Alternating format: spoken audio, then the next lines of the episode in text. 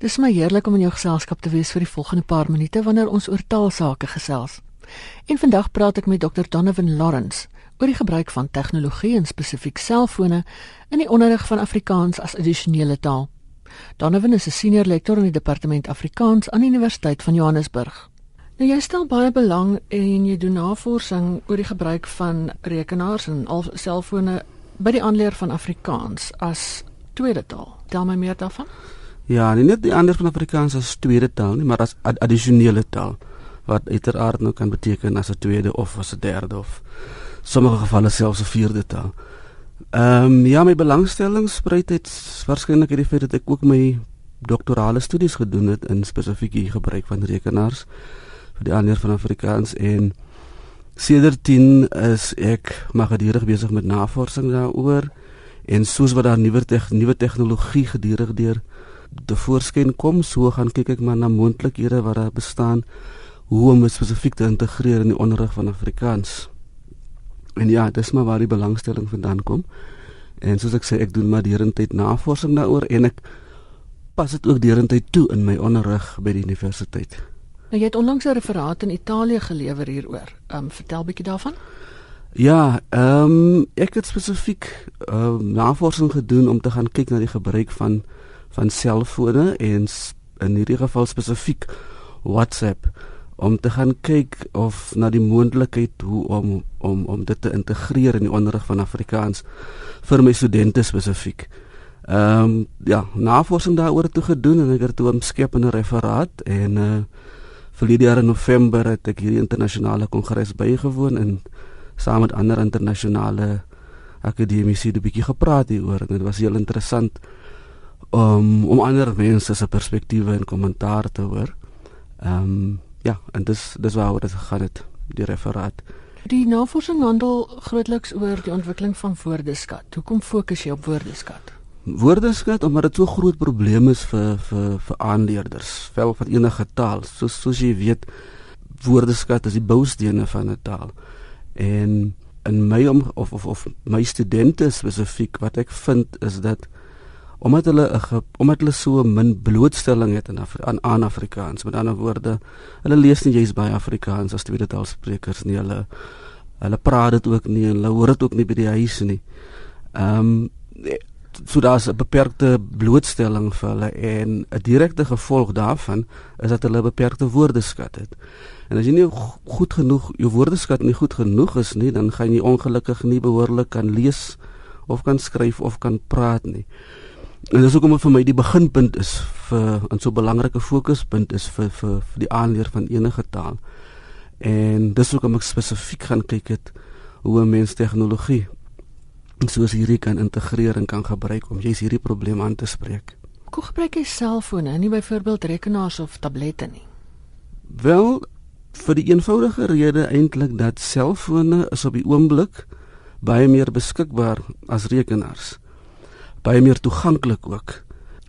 Op die oomblik as 'n mens kyk na die mees onlangse syfers, byvoorbeeld sal jy sien dat in Suid-Afrika op hierdie oomblik is daar meer selfone as wat daar mense is. Die die hoeveelheid selfone en aktiewe SIM-kaarte op die oomblik is ver bokant die die bevolkingsgetal van Suid-Afrika. So dit sit sit dit op sigself spreek al klaar boekdeel. Aan die ander woorde daar's baie baie meer mense, baie mense wat toegang het tot selfone. En in my geval studente en leerders feitelik almal het toegang tot selfone. En soos jy self weet, interessante ding van selfone is dat as jy nou as jy nou moet terugdink aan wat die primêre funksie van 'n selfoon is, naamlik om iemand te kon bel, aan die ander woorde om te kon kommunikeer of om 'n SMS te stuur dan vind die mens dat mense gebruik al hoe meer selfone vir sy meer sekondêre funksies eerder as die primêre funksies. In ander woorde, mense gebruik hulle selfone veel meer om SMS'e of, of boodskappe op WhatsApp te stuur of om Twitter te gebruik of Facebook toegang te kry of hierdie tipe van goed. En eintlik baie min vir die primêre doel waarvoor dit self eintlik wel uh aanvanklik gemaak is. So, ja. Ehm um, en as jy kyk na die funksies waarvoor 'n mens 'n selfoon gebruik, dit soos ek sê is om om te kommunikeer uh, primêr. Uh en deesdae het dit ook 'n bron van inligting geword of om om jou toegang te gee tot die wêreldwye web byvoorbeeld. Ehm um, dan kan 'n mens duidelik sien as jy nou uh kyk wat is die verband tussen die as jy nou dit in ag neem en jy neem nou in ag waaroor dit gaan as 'n mens 'n taal aanleer. Dit gaan tog oor kommunikasie. Dit gaan ook oor inligting. Dan sekerlik moet daar 'n verband wees tussen die gebruik van 'n selfoon en die aanleer van 'n taal. En dan moet 'n mens begin kyk hoe kan jy hoe kan jy 'n selfoon gebruik om om daai basiese kommunikatiewe vaardighede in 'n taal te te kan ontwikkel. En dis waar die waar my belangstelling en navorsing eintlik ehm um, posgevat het en begin het. Ehm um, mense onderwysers soms uh, kyk dikwels na tegnologie en as dit kom by e-leer en hierdie tipe van goed dan dink hulle heel dikwels dis iets wat net ge, uh, gepas is of gebruik kan word in die onderrig van vakke soos wiskunde en wetenskappe. Maar my mening is dat dit is baie meer geskik vir die aanleer van 'n taal omdat dit uh, selfone spesifiek leen hulle self beter daartoe vir die kommunikasie, die kommunikatiewe aspek van taal aanleer. Jy het vroeër ver, verwys na WhatsApp. Hoekom gebruik jy dit? Ehm um, een van die redes is omdat as jy WhatsApp met 'n gewone SMS vergelyk, is is dit baie goedkoper. Jy WhatsApp uh, kan jy gebruik vir 'n fraksie van die koste wat jy SMS voorstuur byvoorbeeld. Ehm um, ek het ook baie vroeg in my navorsing uitgevind studente gebruik nie juis meer gewone SMS nie. Deel die wat ek gebruik nie en hulle het my vroeg gesê nee, maar hulle gebruik nie SMS, hulle gebruik WhatsApp. En natuurlik moet 'n mens daarna luister en jy kan nie 'n platform gebruik wat studente nie meer bekend is nie uit die aard van die saak uit. So en dis hoekom ek WhatsApp gebruik het. Dis ook dis ook so gerieflik want dit laat jou ook toe om nie net teks te stuur nie. Jy kan natuurlik ook uh um ander uh jy kan ook foto's byvoorbeeld stuur, prente, jy kan ook klankgrepe stuur as deel van die van die WhatsApp boodskap. En natuurlik kan jy ook groep uh groepe skep, jy weet 'n WhatsApp groep skep. As jy byvoorbeeld nou 'n klas het van 20 studente, dan is dit baie maklik om 'n groepie te skep en een boodskap aan weet aan die hele groep op een slag te stuur. So dat WhatsApp spesifiek leen as platform leen om eintlik baie baie goed tot gebruik of integrasie in taalonderrig sou ek sê. Hoe het jy die navorsing gedoen? Wel, ehm um, soos ek sê, ek het eerstens probeer om studente in 'n poging om te probeer om hulle woordeskat te verbreek en hulle woordeskat te ontwikkel. Het ek vir hulle op 'n weeklikse basis so 10 tot 15 woorde, Afrikaanse woorde op hierdie WhatsApp groepie vir hulle gestuur. En tipies het ek byvoorbeeld nou die Afrikaanse woord gehad, die Afrikaanse woord en dan die Engelse vertaling kon ek bysit as ek wou.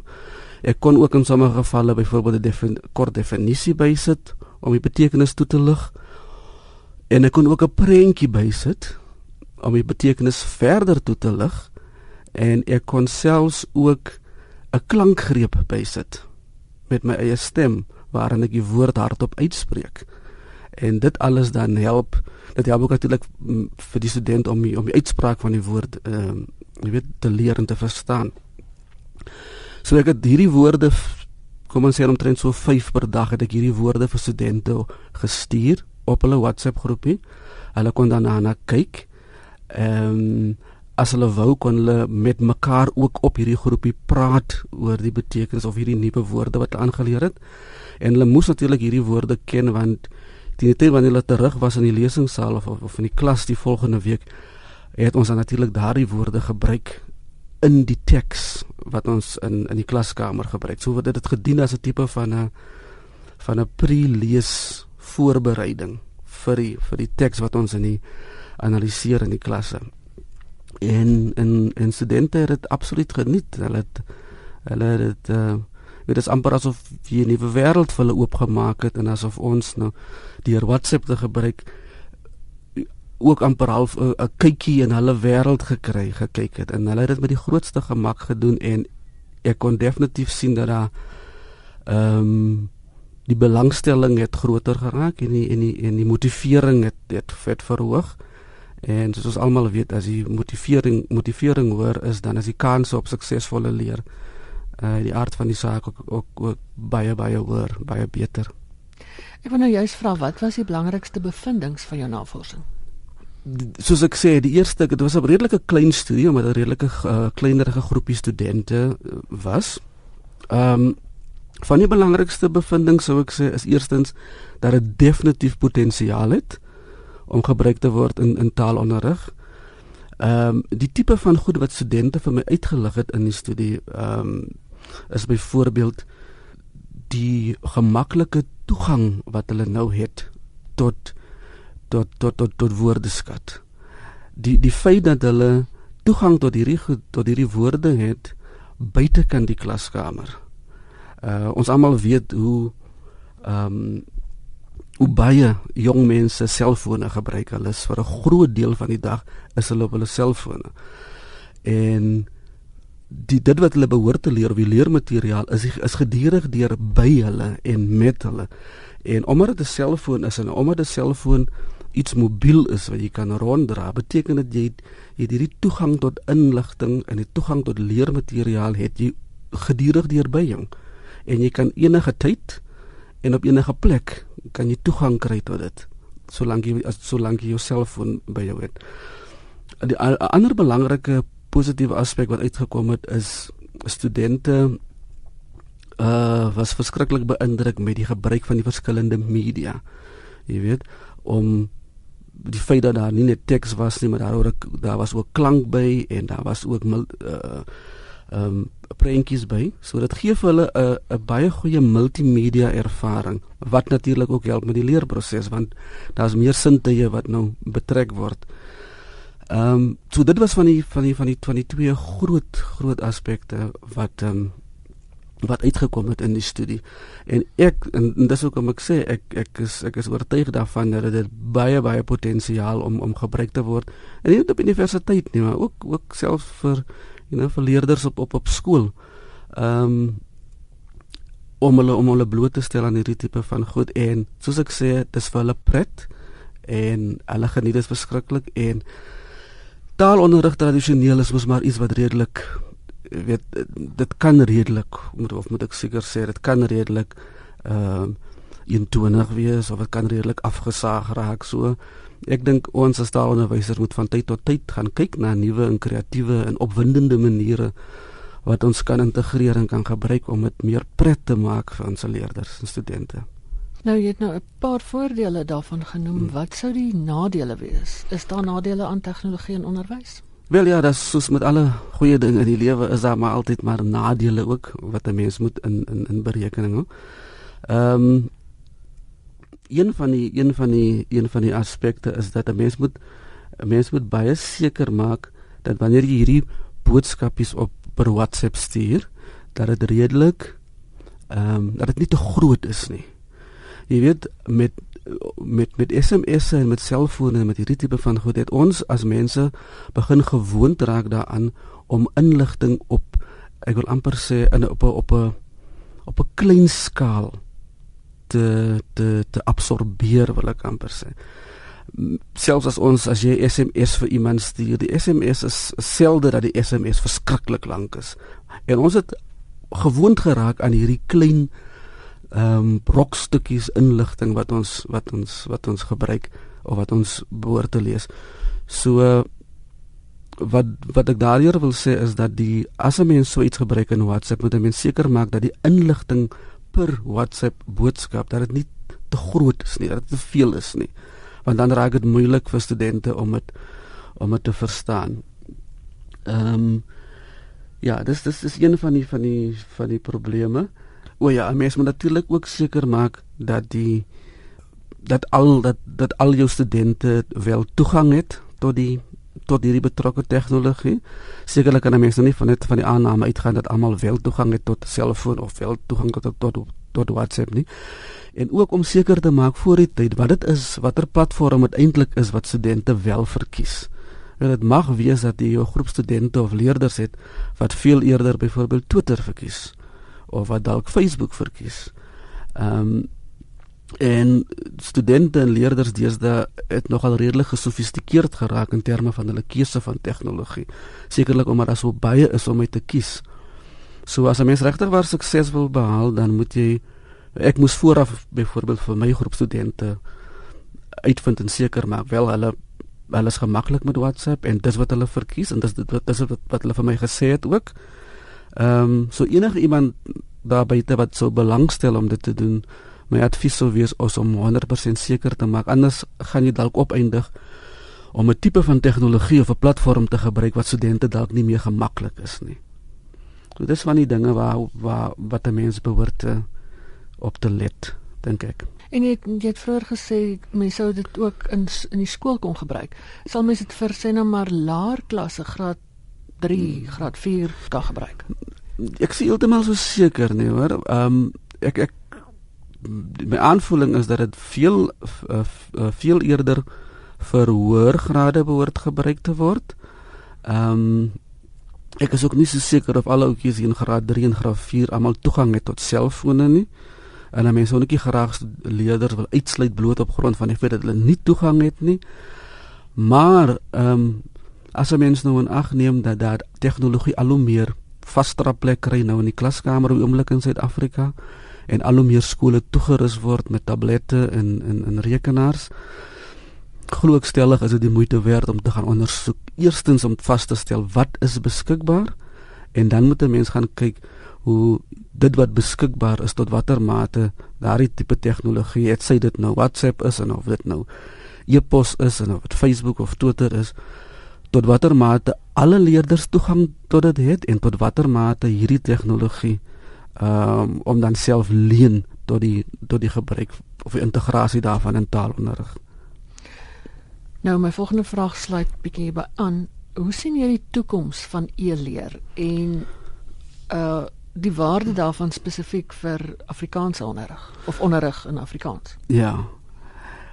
Ehm um, ek voel baie sterk oor die feit dat e-leer ehm um, al hoe stewiger vaster plek gaan kry in in ons in ons klaskamers in ons skole.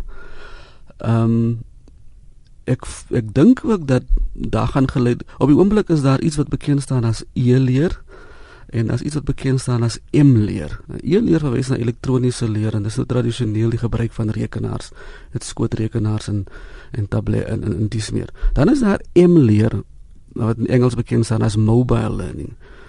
En dit is waar mobiele toestelle soos selfone en tablette en en en iPads en hierdie tipe van goed waar dit al hoe meer gebruik word in onderrig.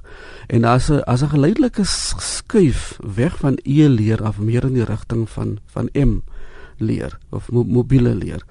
En ek dink dis die toekoms en ek dink vir Suid af 'n land soos Suid-Afrika is M leer heel waarskynlik die meer um, meer gepas as as as e-leer vir die eenvoudige rede dat ehm um, soos ek net nog gesê het, baie meer mense het toegang tot selfone. En as jy deesdae 'n selfoon koop, dan is daar alle waarskynlikheid kry jy toegang tot die internet met dit veral as dit kom by hierdie slimfone wat wat 'n mens deesdae kry. En waar mense probleme het met toeganklikheid as dit kom by internetverbindings by mense byvoorbeeld in afgeleë gebiede, het jy nie daai noodwendig daardie probleem met met selfone nie. Uh so selfone bied meer mense meer gemaklike toegang tot die internet byvoorbeeld en tot die kommunikasie tegnologie. En dit dink ek is iets wat ehm um, die onderwys behoort op te kapitaliseer op hierdie stadium en hulle behoort ernstig te kyk hoe om mense dit kan integreer en onderwysers behoort opgelei te word um in spesifiek in in die in vaardighede hoe om tegnologie effektief te integreer in hulle onderskeie leerareas. So ek dink daar's 'n goeie toekoms wat wat wag. En die waarde daarvan vir die aanleer van of die onderrig van Afrikaans?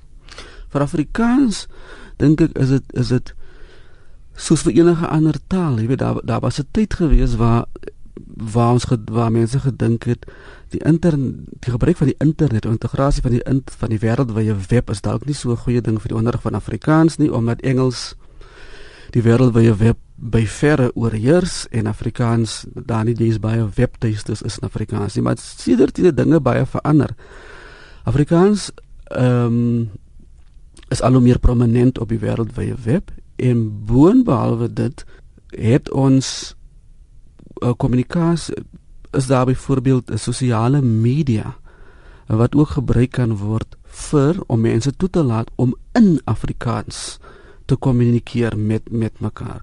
So wat Afrikaans betref is soos wat enige ander taal dit kon doen, so Afrikaans ook ehm um, maak nie saak watter sosiale media en mense sien dit deesdae as mense op Facebook of op Twitter of waar ook al wil met mekaar kommunikeer in ons Afrikaans spreek dan praat hulle Afrika gebruik hulle Afrikaans.